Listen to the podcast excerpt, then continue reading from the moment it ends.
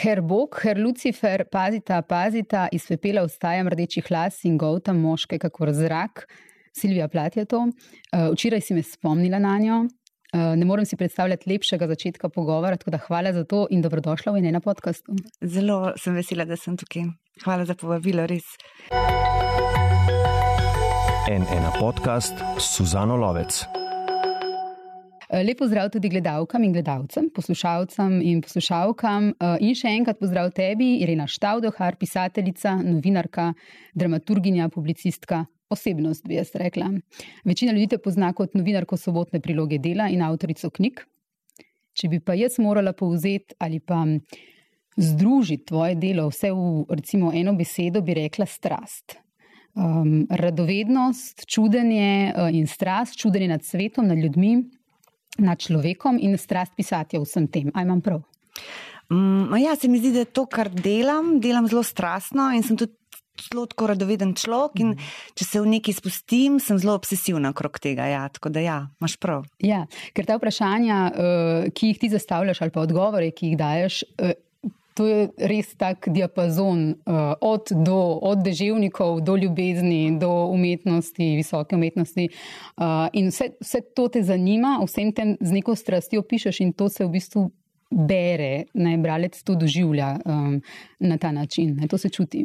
Ja, jaz pač pišem za sobotno prilogo, a ne eseje, to se pravi daljše neke tekste in vsak teden si sama zberem neko temo, o kateri pač pišem in ker me zanimajo različne stvari, potem dejansko zberem zelo različne teme, tako kot si rekla, pač od, od narave do neurologije, obsedena sem z življenji različnih pisateljev. Mm, Tako da se mi zdi ta esej, se mi zdi taka forma, izumil je pač Montaigne, uh, renesančni filozof, in on je pač rekel, da je esej neka forma, ki lahko pišeš o čemkoli, začneš kjerkoli in končaš kjerkoli.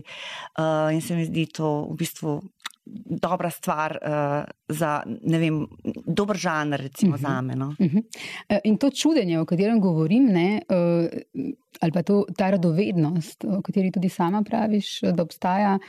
Um, je nekaj, se mi zdi, kar kot otroci vsi imamo, pa mnogi ljudje potem izgubimo, izgubijo, ko nas vem, življenje um, obteše, um, uh mhm. -huh. življenje poglanca.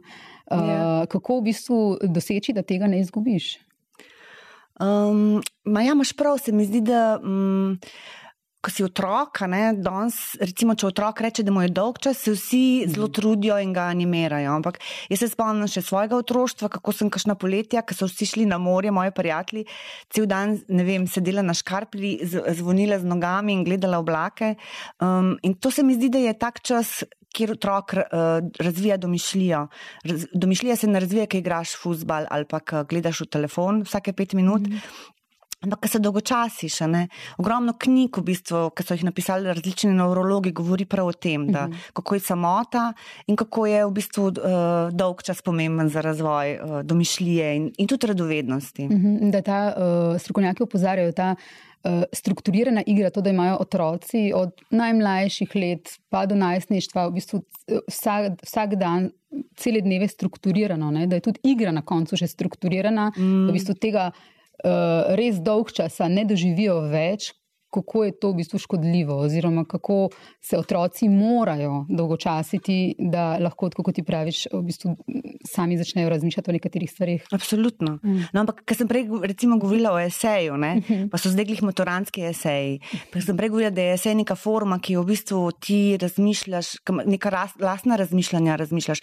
Se spomnim, ker sem pred leti šla, e, moja sestrična je dobila neko slabšo oceno za esej in sem šla z njo v bistvu, ki je popravljala ta esej. In potem sem jaz videla, da otroci danes pišejo eseje tako, da morajo odgovoriti na neka vprašanja znotraj tega eseja. Jaz ne vem, zakaj je to, da pač mogoče so lažje ocenjeni. Ampak jaz sem potem gledala to in sem mislila, jaz ne bi nikoli naredila pač te, tega eseja, jaz ne bi nikoli dobila dobre ocene, ker. Mm, je to neka, so v bistvu iz eseja naredili neko formo, kjer moraš ti točno določene stvari napisati, ne to, kar ti razmišljaš.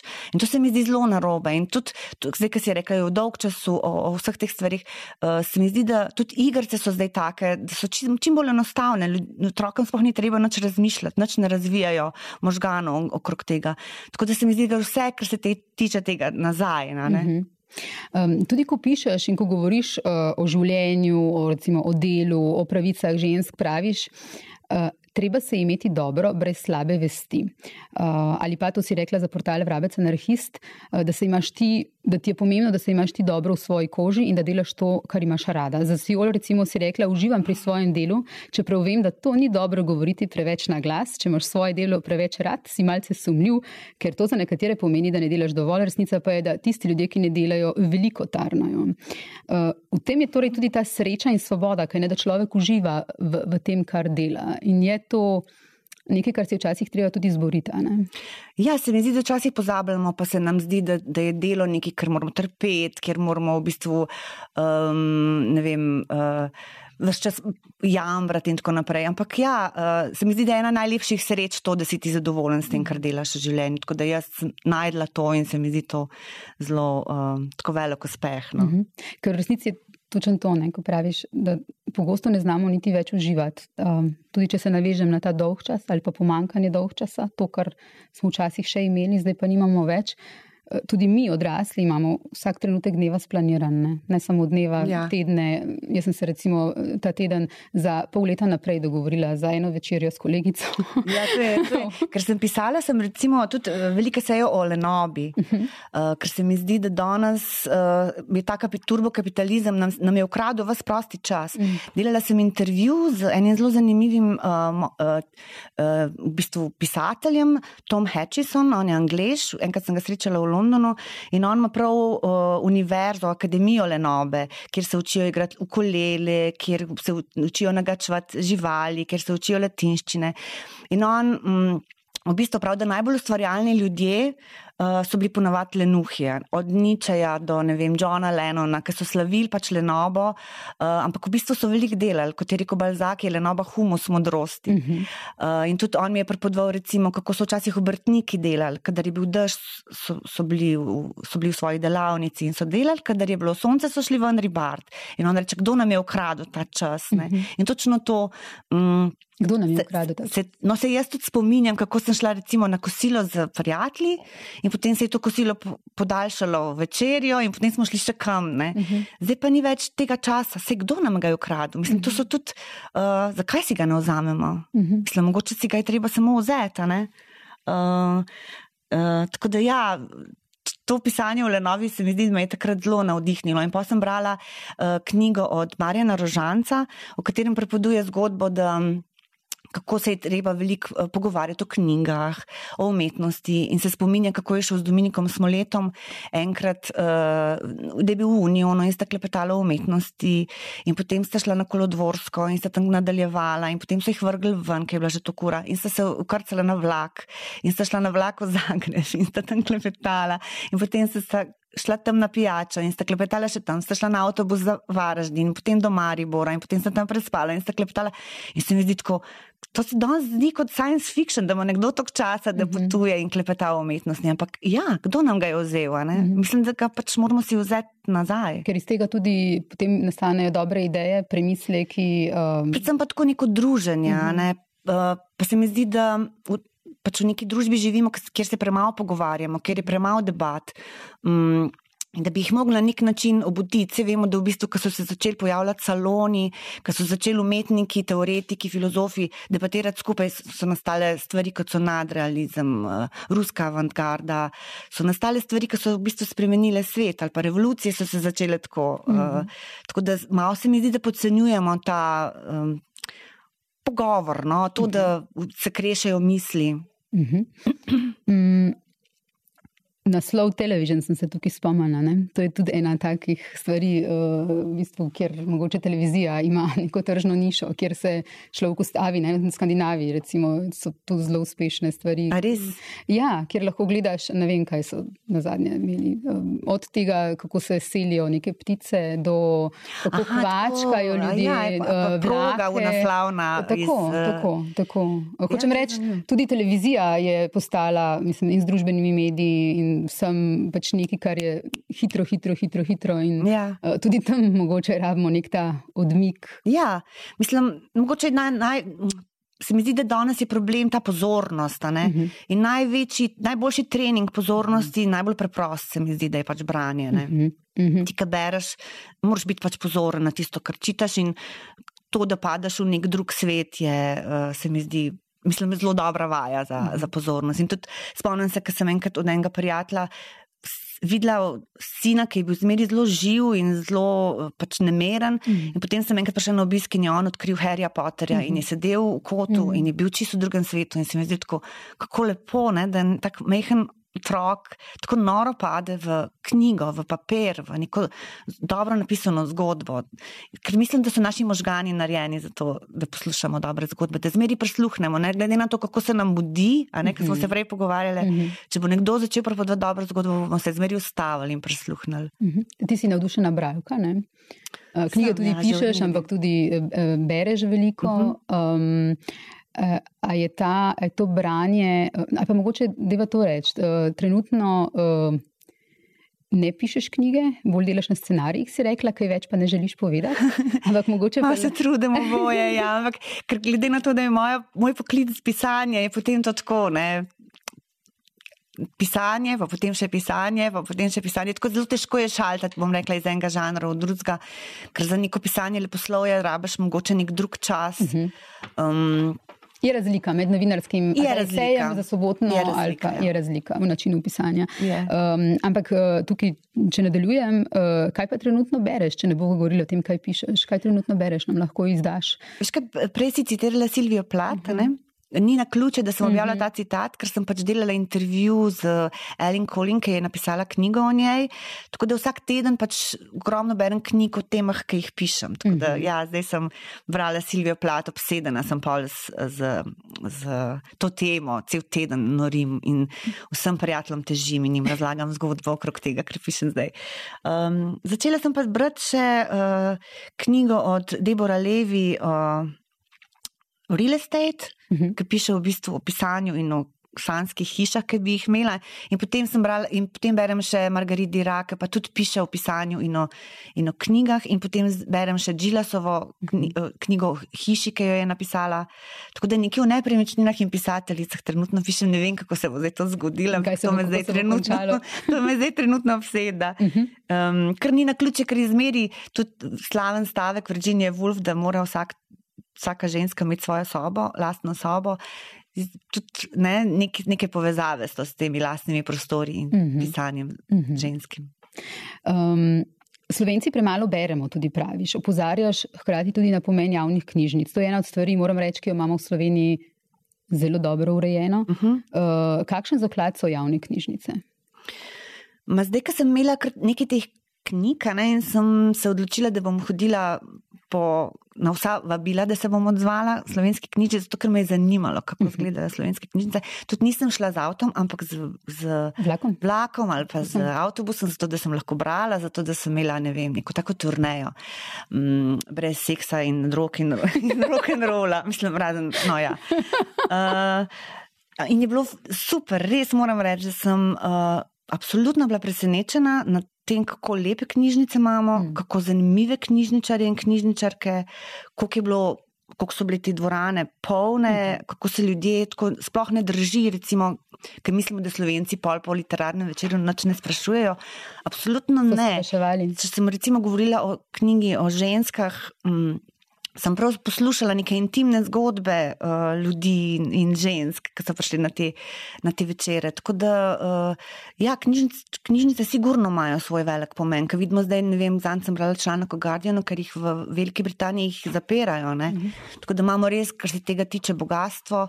Ampak po drugi strani se mi pa zdi, da bi tudi slovenci dejansko pa res mogli več knjig pač kupovati. Kako to narediti, pa v bistvu ne vem, če je kakšen recept. Je pa sigurno bi bilo bolj, da bi na mestih um, tega surovega mesa, ki je na teh jumbo plakatih, kdaj imeli tudi kakšnega pisatelja ali pa kakšno reklamo za knjigo. Recimo. Mhm. Dobra ideja. Ja. Upamo, da bo kdo slišal. Prav, zadnje čase se mi zdi, da so vseeno neki bestselleri prišli ven, ne, od tega Zupančiča, ki piše mm. pač od zdravnika. Tako da uh, se mi zdi, da neke te uspešnice preberejo tudi ljudje, ki ponovadi ne berejo knjig, kar se mi zdi v redu. Mm -hmm. Je to že mogoče nek začetek. Mm -hmm. Začetek in nadaljujemo potem dalje. Ja. Uh, a pa imaš ta fetišističen odnos do branja pa knjig, um, ali pa je to pri tebi dnevna rutina kot umivanje rok ali pa telovadba? Mislim, berem, sigurno berem vse čas, um, preveč knjig imam, uh -huh. uh, imam dva Kindla, recimo, uh, nimam jih več kam knjig dajati, zato tudi hodim zdaj v knjižnico. Um, svoje knjige imam zelo veliko počrtane, tako da mhm. nimam kakšnega fetišističnega. Mislim, težko bi bila brez knjig. No. Uh -huh. Tudi od malga v naši hiši so bile zmeri knjige. Uh -huh. um, če se vrnem nazaj na tisto, kar smo se pogovarjali, da se sploh več ne ustavimo, da nam čas beži, da se ne znamo več dolgočasiti, kaj, kaj šele, da bi si vzeli čas za lenarjanje. Um, bi jaz rekla tukaj, da se mi zdi, da nas včasih ustavi samo še življenje, ali pa ne vem, včasih koga bolezen, in da potem nekako gledamo po svojih življenjih, tistih trenutkih, tako kot na neke neznane pokrajine. Aha, ja, tako je, a tukaj sem, aha, to se mi je zgodil. V bistvu šele takrat, ko nas nekaj drugega zunanjega ustavi, se mi ustavimo in gledamo po življenju svojem mhm. nazaj, kaj se je zgodilo. Um, in da sem, ko sem se pripravljala na ta intervju, sem se v bistvu razmišljala o tem, pa ko sem brala, kar ti pišeš o dolgčasu, recimo, uh -huh. um, sem se spomnila to, kako sem se, ko sem bila mlajša ali pa ko smo bili mlajši, kako smo veliko več razmišljali o tem, se spominjali recimo otroštva ali pa predelovali neke stvari, razmišljali o stvarih, ki se nam dogajajo. Ne? Tudi to gre v bistvu um, vse mimo. In uh, se sprašujem, uh, kje. Kje pa je ta trenutek, ko se ustavimo, pa da ni to bolezen ali pa nekaj podobnega? Pri tebi je to se je bil včasih tudi vrt. Uh, vrt je sigurno, pa umetnost recimo, je, uh mhm. -huh. je m, tudi ena od takih stvari, ki nas mogoče ustavi, pa nas pravi neko razmišljanje. Tako da mi je žal, da recimo o umetnosti se tako slabo govori v zadnjih časih, da so umetniki neki paraziti. Ne?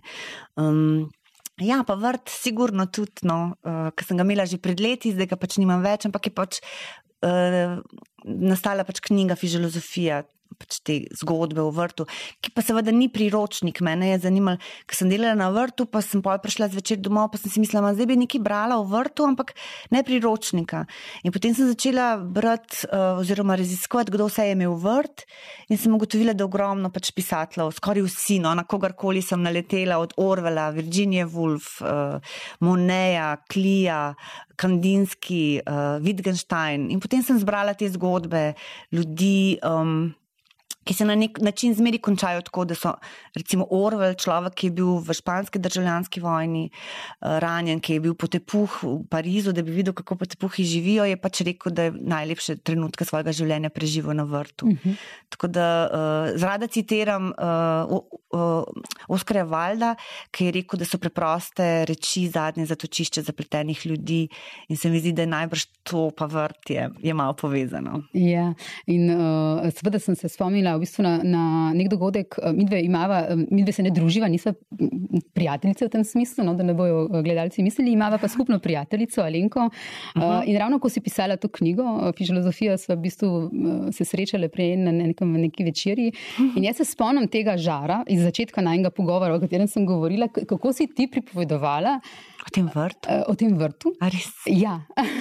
Se ne spomnim. Ja. Ja. Ti si s takim žarom pripovedovala, da se je meni, ki nikoli nisem zares delala na vrtu, jaz imam rada vrtove, ampak na način, da dobivam fotografije. Ja, ja, vrtov, ja, ja, ja. In v tem uživam. Um, ampak jaz, jaz se spomnim, da pri tisti večerji me je krmilo, a ne bi jaz tudi imela vrt. Res, lepo, ne se ne spomnim. Ampak ja, mogoče imam to, ja, da se, strast, da se zelo navdušim ja. za neko stvar. No. In da znaš navdušiti, to hočem reči. Ne? Ja, mogoče, sem, mogoče pač novinari, ne, um, žurnalisti, ki pač. Uh, Ja, se mi zdi, da, se, da jaz pač vsak teden, zdaj, zdaj sem, mislim, tako kot sem prej omenjala, to Silvijo Pladi, sem šla jaz čisto vse prebrati o njej, vse pesmi, um, vse njene žalosti sem na nek način presnovila skozi sebe in skozi svoje pisanje. Tako da, ja, zato pravim, da imam zelo rada svoj poklic, ker se tako obsesivno vržem.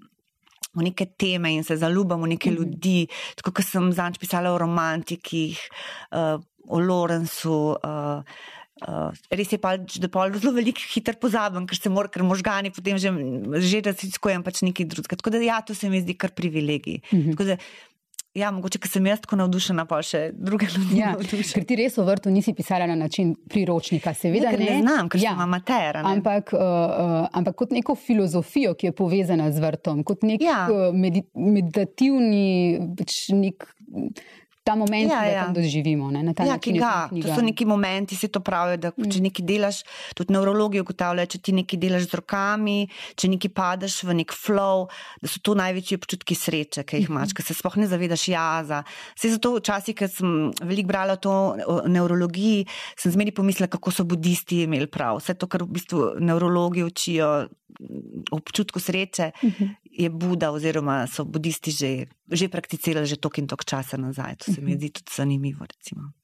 Uh, končala si dramaturgijo na AGRFT, se ure, so urejala si revijo Maska, so oblikovala nekaj let program uh, festivala Mladi, Levi, Mladi, Mladi Levi, si pa predvsem novinarka. Zdaj, nekaj časa si bila tudi urednica sobotne priloge dela. Um, si se v svojem delu srečevala z veliko seksizma, oziroma nekoč si rekla, veliko pokroviteljstva je bilo takrat, ko si odgovorila, ko so te v reviji Jana spraševali o položaju žensk, misleč na tisti obdobje, ko si bila urednica. Ja, je bilo kar veliko pokroviteljstva, bom rekla, ja, ker sem bila pač ženska, tudi mlajša sem bila in tako naprej. Ampak nisem se zelo veliko ukvarjala s tem, moram reči, da sem kar rušila naprej, ker me je zanimalo predvsem to, da bi naredili dobro revijo, mislim, dobro prilogo. Um, predvsem me je zanimalo komunicirati z dobrimi avtori. Uh, in to se mi je zdelo zmeri najbolj pomembno pri mojem delu uredniškem, predvsem kvalitetni avtori. To, da imam spoštovanje kot urednik do, do njih, um, tudi to, da, sem, da so bili eni ljudje, ne vem kako bi rekel, da so zamujali, ali pa ker so pač bili dive, ali pa ne vem kaj. Da, pač, da to pač vzameš, uh, ekscentrike vzameš v zakup, ker je pomembno tisto, kar napišajo, se mi zdi v prvi vrsti. Tako Da, ja. Nekoč si rekel, da v bistvu pogrešaš več ekscentrikov, uh, takih, Ja. ki rinejo naprej stvari. Ne? Ja, tako se mi zdi, da danes živimo v nekem času, kjer je ekscentrično. Ne vem, če kupiš zelo, zelo drago torbico ali pa Mhm. je ekscentrična Kim Kardashian. a ne. Uh, Včasih so bili pa ekscentrični umetniki, Mhm. um, nekdo, ki nekaj naredi po svoje, nekdo, ki naredi, ki naredi škandal. Uh, tako da ja, pogrešam ekscentrike, nekoga, ki, ljudi, ki so obsedeni s svojim delom. Uh, in to tudi pokažejo. Mhm. Tako Da, ja. Uh, V knjigi Kaj hoče ženska, uh, v njej je veliko o tem, kako so ženske včasih iskale svojo svobodo, kako so se nekoč morale boriti za to, da so bile lahko umetnice, filozofinje, pisateljice, slikarke, ne samo žene in mame. Uh, Veliko je v njej tudi o svobodi v tej knjigi in o sreči, in implicitno bi jaz rekla tudi o tem, da je treba ostati zvest sam sebi. In v tem je tudi užitek, a ne? Da v bistvu- zvest sam Ja. sebi. Je. Kaj hoče ženska, ja, ki so me zmeri sprašvali. Ja, ste, zelo dobesedno so ta, Ja. so vzeli dobesedno ta Ja, naslov. ne vem, ne, vsak- sprašuje. Ja, se, ampak je pa bil tudi ta naslov tako mišljen. Ne, Provokativen, mislim, oziroma, ja, da- malo v napačno smer speljan. Jaz mislim, kaj hoče ženska, je to, da se pač imaš dobro v svoji koži. No, da je to to. No, da pač, glede svobode, pa mislim, da se bomo ženske zmeri mogle boriti pač za, za, za njo, no, da vidimo, da jo je vedno manj. In, da- in tudi v tem času, ne, čeprav smo v 21. stoletju, vidimo, kaj se dogaja in da moramo Kako gre stvari nazaj, ne? še vedno opozarjati. Absolutno, ja. ja. Ja. Jaz bi na tej točki mogoče za poslušalce in poslušalke uh, opozorila na uh, en podcast. Tukaj je sedela uh, pred par meseci uh, Manca Garenko, ko smo se tudi pogovarjali. seveda, uh, ja. Uh, en, v enem delu podcasta tudi o uh, feminizmu, uh, ona govori o čarovnicah. Uh, pa na Tijano Zinajič, uh, z njo sem imela pogovor pred kakšnim letom um, za rubriko Poglobljeno. Ona govori o prasicah, tudi naslov tega njenega filma je uh, uh -huh. Prasica. Uh, o, v smislu, o, prasica je ozna, družba označi za prasico tisto žensko, ki v bistvu se ne ozira na to krivdo, ki družba uh -huh. želi prepisati. a ne. Tudi na način ostati zvest sama sebi, uh -huh. um, ne se predati na ta način. ne. Na to je pomembno opozarjati. ne. Ja, mislim, da so ženske, o katerih pišem uh, v tej knjigi, so vse na svoj način čarovnice. Se nobena se ni, bom rekla, um, no, vse so živele tako, kot so same hotele. Meni je zelo všeč misel od Gloria Steinem, te pač ameriške feministke, ki je rekla, da je feminizem naučil tega, da ti ni treba živeti, kot živijo vsi. In to se mi zdi, da je res zelo dobra dediščina feminizma, tudi zato, ker neki ženski obljublja neko svobodo, niti treba biti nekaj, kar nočeš biti. ne. Uh, in zato se mi zdi smiselno pač boriti. Ker tudi v tej knjigi, recimo, sem, sem pisala ne samo o tem, kaj so te ženske delale, ampak tudi o njihovi senzualnosti. Uh -huh. uh, se mi zdi, da v nekem času pisatelji veliko pisali o, o svoji senzualnosti, svojem erotičnem življenju. Spomnimo se Millerja, spomnimo se Rota, konc koncev. Za ženske pa ni bil ta prostor, je bil to zmeri, potem pač so bile čarovnice, je bil, bil to škandala. Ne? Vse te ženske so si pa dovolile, ne samo razmišljati o tem in pisati o tem, pač v nekaj so pisali, ampak so tudi živele tako. In tudi to, da si vzameš užitek. Ja, da si vzameš užitek in da ga imaš. Zato sem to knjigo recimo, začela z Dajen Etil, uh mhm. -huh. urednico, uh, ki je dočakala, mislim, da 104 leta.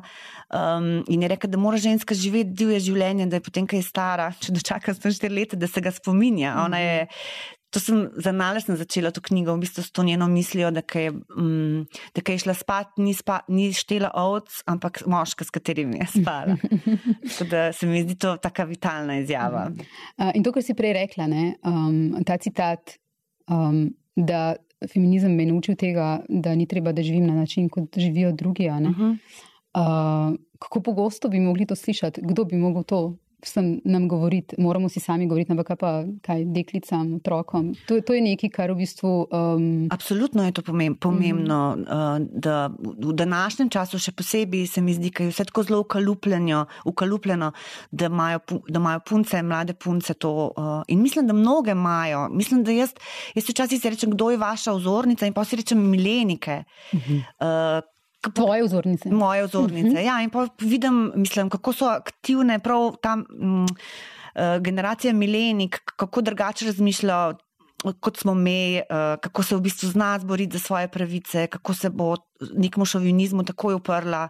Mislim, mi, mi smo kar to še kar prenašali. Jaz sem bila v bistvu takoj po akademiji, recimo, um, sem urejala masko In vem, da mi je bila muka iti takrat na Ministrstvo za kulturo, kjer je bil nek gospod, ki je prav povedal, da ni da, škoda, da nisem prišla v obleki, uh mhm. -huh. da sem prišla v hlača na mhm. sestanek. Uh -huh. Pa si mislim, mater, ne, če bi on to danes izjavil, bi mu milenike že dale.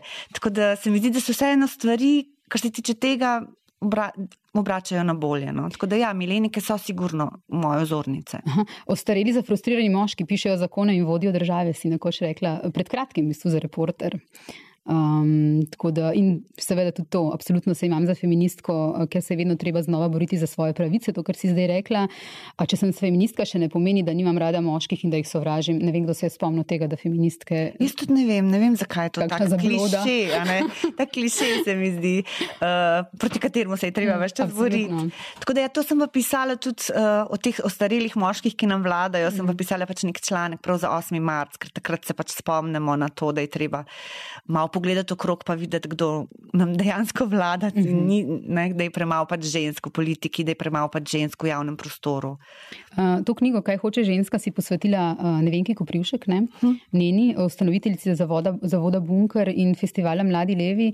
Uh, in tudi napisala si. Uh, Tako zelo ljubljena je bila življenje. Ja. Ona, ona je bila svobodna, ne? to, o čemer smo prej govorili, o tej svobodi, užitku in tako naprej. Ja, sigurno je bila. Uh, in tudi, uh, kako bi rekla, uh, Um, pri njej je bilo zmeri všeč, da tisto, kar si je zamislila, je tudi uresničila. In tako tudi Bunker, pač, ki organizira festival Mladi Levi in vse še kaj drugega, ki zdaj je pač brez nje, um, ampak pač uh, ekipa Bunkerja še zmeri v bistvu uresniči vse svoje uh, ideje mm -hmm. na kakršen koli način in izjemno dobro delajo še zdaj. Mm -hmm. To je njena dediščina, se mi zdi. Mm -hmm. Če rečem, mogoče še, še eno na. Um ženske, pa seksizem.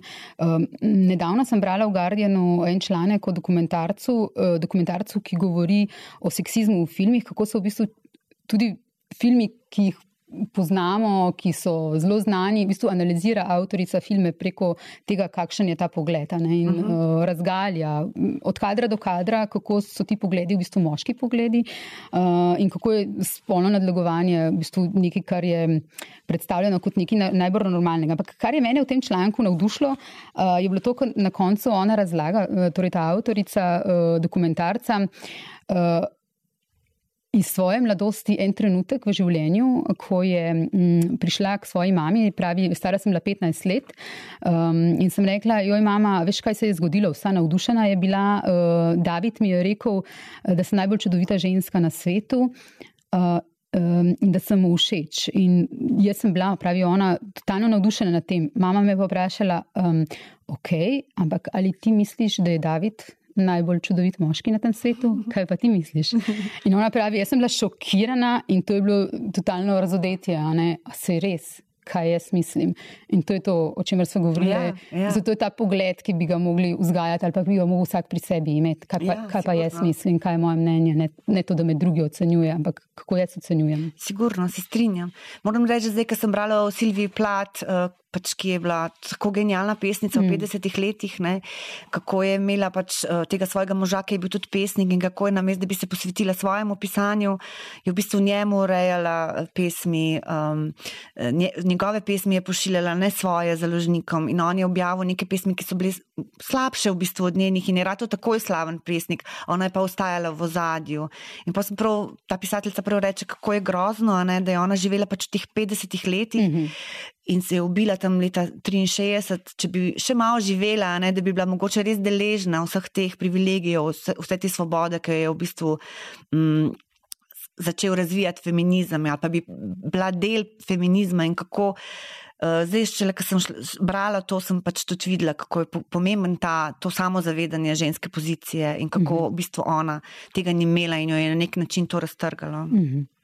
um, ko si v 90-ih letih so urejala revijo Maska, Uh, je bila pisarna te revije Prostor, kjer so se kresale vroče in glasne debate o umetnosti.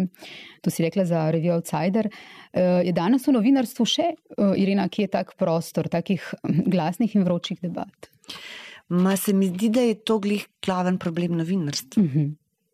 Jaz ne vem, mi zdaj pač na delu delamo od doma, ampak včasih na sobotni prilogi so bile te, te um, vroče debate uh, o, o, o člankih in tako naprej. Uh, tako da ja, se mi zdi, da je to najbolj pomembna stvar v novinarstvu. To, da se pogovarjaš veliko, to, da se krešajo misli. Mm -hmm. Neke vrste salon, ki smo se prej pogovarjali, m, brez tega ni, no, brez teh vročih debat. Mm -hmm. Tako da se mi zdi, da ja, novinarstvo je v krizi in tudi se mi zdi zaradi tega. Včasih se mi pa zdi, da je v krizi tudi zato, ker se podcenjuje gledalce, podcenjuje bralce. Jaz mislim, da Bravci in gledalci zelo dobro vejo, kaj je dobra oddaja, kaj je dober članek. Uh, mislim tudi, da se da, da, ne, vem, rekel, da se ne verjame, da ljudje berejo daljše članke. Jaz mislim, da pač mla, krajše novice lahko dobijo uh, kjerkoli, ampak poglobljene članke, komentarje in tako naprej, to pa lahko najdejo samo v medijih, pač, ne, ne mm na, mhm. na nekih mnenjskih internetnih straneh. Um, uh, tako da ja to se mi zdi zelo pomembno. Da, da obstajajo tudi poglobljeni, poglobljene vsebine, ja, da tudi, ima vsak resen medij te vsebine. Tako, in se mi zdi, da ne vem, če imam veliko pač naročenih teh tujih revij in uh mhm. -huh. medijev, revije kot so New Yorker, Atlantic, Mother John. Uh, niso nikoli izgubljale publike, tudi takrat, ko je bila največja kriza, ki se je mm -hmm. govorila, pač zato, ker so vlagali predvsem v avtorje, predvsem v novinarje, predvsem v imena. Mm -hmm. In se mi zdi, da to drži za zmeri. Mm -hmm. Um, praviš pa tudi, da se v bistvu slovensko novinarstvo tudi tukaj si kritično na tej točki, da se preveč ukvarja samo s sabo. Ne? Ja, se mi zdi, da se je nekaj časa zelo veliko ukvarjalo, predvsem sami s sabo, pa premalo z, z, z bravci in uh -huh. uh, gledalci. Se to v bistvu je na nek način še zdaj. No? Uh -huh. um, ker, uh, ti poglobljeni članki, ne, ki jih omenjaš, eh, to je verjetno, če preslikam na tisto, kar smo prej govorili, tudi neko mesto, kjer se ustavimo. Prej smo na začetku pogovora govorili o tem, um, da skozi samo bežimo, ni več dolg časa, ne ustavimo se, ne pogledamo na svoje življenje, mm. nimamo časa za spomine in tako naprej.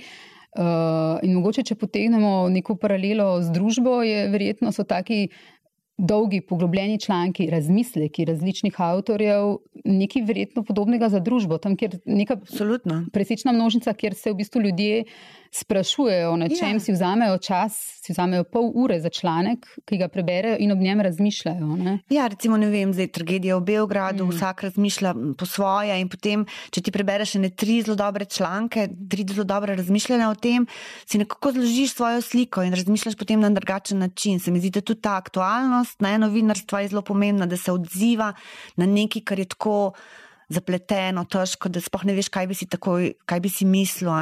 Tako da, mm, glih okrog tega dogodka, se mi zdi, da sem prebrala tukaj nekaj zanimivih stvari o družbi, um, so sprožili v bistvu neke, uh, neke razmišljanja. Da, ja. -huh. To uh, lahko naredi res dobro novinarstvo, dober članek. Uh -huh.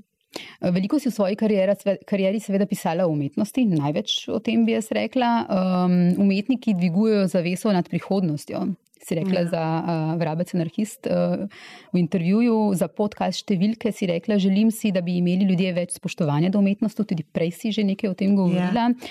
Uh, zakaj pa misliš, da je tega uh, premalo? Zakaj se v bistvu z umetniki na ta način dela? Ne vem, zato ker mogoče imajo ljudje predsotke, zato ker v, v zadnjih časih, bom rekla, je, ne vem, ni več honorarjev za kritike in tako naprej. Tudi kritika, uh, umetniška kritika je tudi nek poklic, ki počasi izumera, kar je v mhm. bistvu tudi velika škoda. Mm -hmm. ker včasih je pač. Um, Je to bilo zelo pomembno, je to bilo neko artikuliranje nekih umetniških del. To so bili res ljudje, ki so bili pomembni to so bili v bistvu ljudje, ki so neko javno mnenje oblikovali. Danes tudi vemo, da takih ljudi ni več, ki oblikujejo neko javno mnenje kot nekoč. Tako da ja, mi je žal, uh, čeprav mogoče je tudi to moj presodek, mogoče več ljudi zanima umetnost, kot si jaz predstavljam. Uh mhm. -huh. Ampak je pa, tudi, je pa tudi znotraj umetnosti se spreminjajo ne stvari. Bom rekla, če je nekdo bil včasih pisatelj, zato ker je imel pač bujno domišljijo, ker je rad bil sam, ker je rad sedel v svoji sobi, mora biti zdaj tudi pisatelj, nekdo, ki je na državnih omrežjih, ki hodi na tok šove, ki pač uh, ne more biti. Uh, samo tart, kot je bil včasih. Tako da se tudi znotraj umetnosti se stvari, bom rekla, spremenjajo. Tudi, ne vem, umetniški svet, ratuje umetniški trg, ni mm -hmm. več to. Um, ni več to neki, ker si lahko le noben, če se vrmo, vrnemo nazaj, uh, ampak moraš biti skozi aktiven in delati, produktiven. Tako da tudi, ne, tudi tle. Spomnim se. Um, Je, tega nadaljevanke od uh, Scorsese, Fren Libovic je ta, mm -hmm. ja, uh, ona tako fajn govori, da je bila pač na neki aukciji in da so prinesli uh, Picasa in je bila tišina v dvorani. In potem so ga začeli prodajati in so ga prodali za 300 milijonov dolarjev in so vsi ploskali. In ona je rekla: Nočem živeti v svetu, v katerem ne ploskajo Picasso, ampak ceni za Picasso. Mm. Tako se mi zdi, da je vse povedala na nek način, o, bom rekla, o neki, ne vem, likovni sceni zdaj. Mm -hmm. um, V umetnosti praviš, da verjameš, da lahko spremeni posameznika, da razmišlja, da empatično čustvuje. Eh, zelo podobno so s tami eh, o umetnosti ali pa moči umetnosti v tem studiu pripovedovali Katarina Stegnar, Iravka, pa Polona Juh. Obe sta vsaka s svojimi nekimi povdarki isto stvar pripovedovali, pripovedovali ne? da je to moč umetnosti, ta vpliv, ki ga ima na posameznika, nekaj, kar te lahko premakne, pa premakne na način v bistvu da ti razširi obzorja, ampak da te res zamaje, da spremeni dejansko tvoj ustroj, tvoje razmišljanje. Uh -huh. uh, je to, torej umetnost, že prej si nekaj nakazala, ampak to je verjetno še ena od teh svobod, in užitkov, ki si jih moramo vzeti. Ja, se mogoče to naivno razmišljanje. Ne, no, vem, mi tako verjamemo. Z naivnostjo na robe. Ne, se je tudi res. Tudi, res. Uh, tudi jaz rada sem naivna, kar se teh stvari tiče. Ne si pustiti. Tako da ja, se mi zdi, da, se, da te sigurno umetnost premakne, šokira. Um, Tako mi je všeč Susan Sontag, ki je večkrat rekel, da, da ima to empatičnost, da te nauči sočustvovati z nekom, ki nisi ti, ki niso, nisi, nismo mi, ki so drugačni, ljudje, ki so živijo drugačno življenje. In tudi to je neka vaja v empatiji. Če ti bereš, ne vem, zgodbo, ki se dogaja nekje v Afriki, ki je čist drugačna od tvojega življenja, sočustvuješ ne, s, s temi zelo tujimi življenji. In In je to v bistvu tudi neki način sočustvovanja in empatije. Mm -hmm. ja. Je pa tudi fajn, da te pretrese, da te šokira. Jaz sem velik fan madralistov, mm, ruske avantgarde. Pogrešam tudi to, da te umetnost totalno razsuje, da te razjezi. Danes se tako zdi, da umetnost nas ne sme več razjeziti. Je že škandal. Seveda, umetnost mora razjeziti, ne more se prilizovati, mora biti obratno od, od družbe, mora biti škandal. Mm -hmm.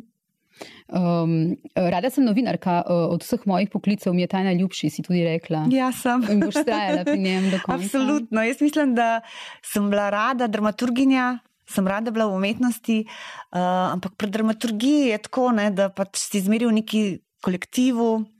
Uh, in sem lahko, moram reči, ko sem začela pisati, sem bila zelo vesela, da sem bila v svoji glavi, da sem se podpisala pod svoj članek, da je bil to moj članek. Um, Uh, čeprav je pa res, da zmeri znova, ko pomislim na gledališče, kako sem se lepo imela v gledališču, kako je tudi v gledališču nekaj magičnega se zgodi, mm. kako ti delaš predstavo šest mesecev, si skupaj z enimi ljudmi 24 ur na dan, kako se dogajajo joki in, dra in drame in smejanja in prijateljstva in skreganja. In potem, ne vem, 14 dni pred premjero, noč ne stoji skupaj, krval, da mora stati vse skupaj, ker to je gazamtkonstver, to kaj enih različnih umetnosti je. In potem si misliš, konc, jaz ne, bom, ne, ne morem spati. In potem čez dva dni se to tako zgloži skupaj in je to tako čudež. In to je nekaj tako, mislim, to je tako nekaj lepega, da to si želim še, še kdaj doživeti. Res uh, neverjetno, res je neka magija no, uh mhm. -huh. na odru. Um, Končala bi nekje na začetku. Um, začela sem Silvijo Plat, uh, oziroma začela si Silvijo Plat, uh, bi pa končala z eno tvojo kolumno, ki mi je najbolj ostala spominu, uh, za govor za ljubljenosti. Hmm. Se spomniš? Seveda se spomnim. Okay.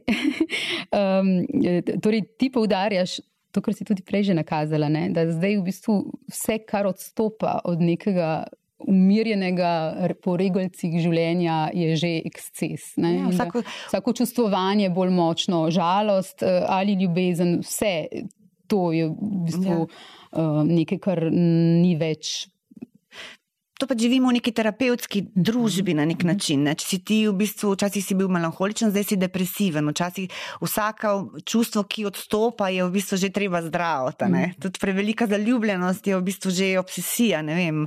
Ampak sem ta članek, no v bistvu to kolumno sem napisala zato, ker sem ugotovila, da so neki. Um, psihoterapeuti, psihoterapeuti govorijo pred zaljubljenostjo. Ja, govorijo pač, vse mogoče oni govorijo o obsedeni zaljubljenosti, mm -hmm. ki je res lahko že na drugi strani. Ampak v tem smislu, da naj deklica nikar ne čaka princa na belem konju, ker ga ni, da je ljubezen prijateljstvo, da ni pač da ta prevelika čustva, da so nevarna. In potem si mislila, čak, čak, ne, to pa ne, to pa ni, kaj so pa vse te kaj, pa, kaj pa visoka pesem. Uh -huh. Mislim, to je zgodba o totalno lepi ljubezni. In se mi zdi, da je pač treba zagovarjati vsa ta čustva, ljubezen. Da smo prišli tako daleč, da je treba zagovarjati visoko pesem. Visoka pesem ni zgodba o prijateljstvu, ne? to je uh -huh. zgodba o ljubezni. O In tako je opisana, ne glede na to, koliko je stara, še zmeraj jo vsi razumemo, še zmeraj si jo vsi želimo doživeti, še zmeraj smo jo dali že čez. Um, tako da ja, ljubezen je um, izjemno lepo čustvo. Um, tudi če lahko prinese razočaranje, to absolutno. je tudi tvoja poanta. Tudi če lahko prinese nekaj slabega, uh, je to nekaj, kar si ne smemo vzeti. Ja, oziroma, pač preživiš, a ne del življenja. Ja, potem greš še enkrat v to isto. Uh -huh. še enkrat. Uh -huh. ja. um, in tukaj si tudi rekla, v enem intervjuju za delo si pa rekla, življenja, tudi če se navežem na to zaljubljenost in ljubezen, življenja so zdaj zelo zanačrtovana, ker je pač tak čas, da morajo biti stvari učinkovite. Zaljubljenost pa to nikakor ni. Zato se zdi nevarna in tvegana, ampak tvegati je treba, praviš. Absolutno, ja. Ker pač ja, če si zaljubljen, ne moreš delati, ne moreš biti učinkovit, najbrž. Ampak uh, ja, temu se ne smemo. Nekim stvarem se pač v življenju se mi zdi, ne smemo odpovedati. No. Okay. To... Moramo biti pogumni. Se v bistvu najbrž tudi ten pogum zahteva to, da se predvsem. Da se povsem prepustiš nekim čustvom. Za me je to pogum. To zahteva pogum. Uh, pogum zahteva to, da ostaneš takšen, kot si, zvest sam ja. sebi, kar smo prej govorili. Pogum zahteva to, da si vzameš užitek, ja. da ne pustiš, da ti ga vzamejo. Treba biti pogumen ja. človek, ja. pogumna ženska. In pogumen, pogum verjetno zahteva tudi to, da si pustiš, kdaj, da gledaš na življenje, da se dolgočasiš, da v bistvu nisi več čas v tem kolesu. Ja. Sprav, nič kot ga, če si drugačen. Uh -huh. In nič kot ga, če si drugačen. To se mi zdi, da je tudi taka stvar, mogoče, ker smo se prej pogovarjali o vzgoji. Punca, ne vzgoji deklic, ja, nočni. nočni uh... Narobe, če si drugačen. Ja. Okay. Uh, za srečo je pomembna odraslost, si nekje napisala, s to mislijo bi končala. ja, tudi zato je potreben pogum. tudi zato. Ja. Hvala ti, Irina Štavdo. Hvala, hvala, da si bila gostja. Hvala.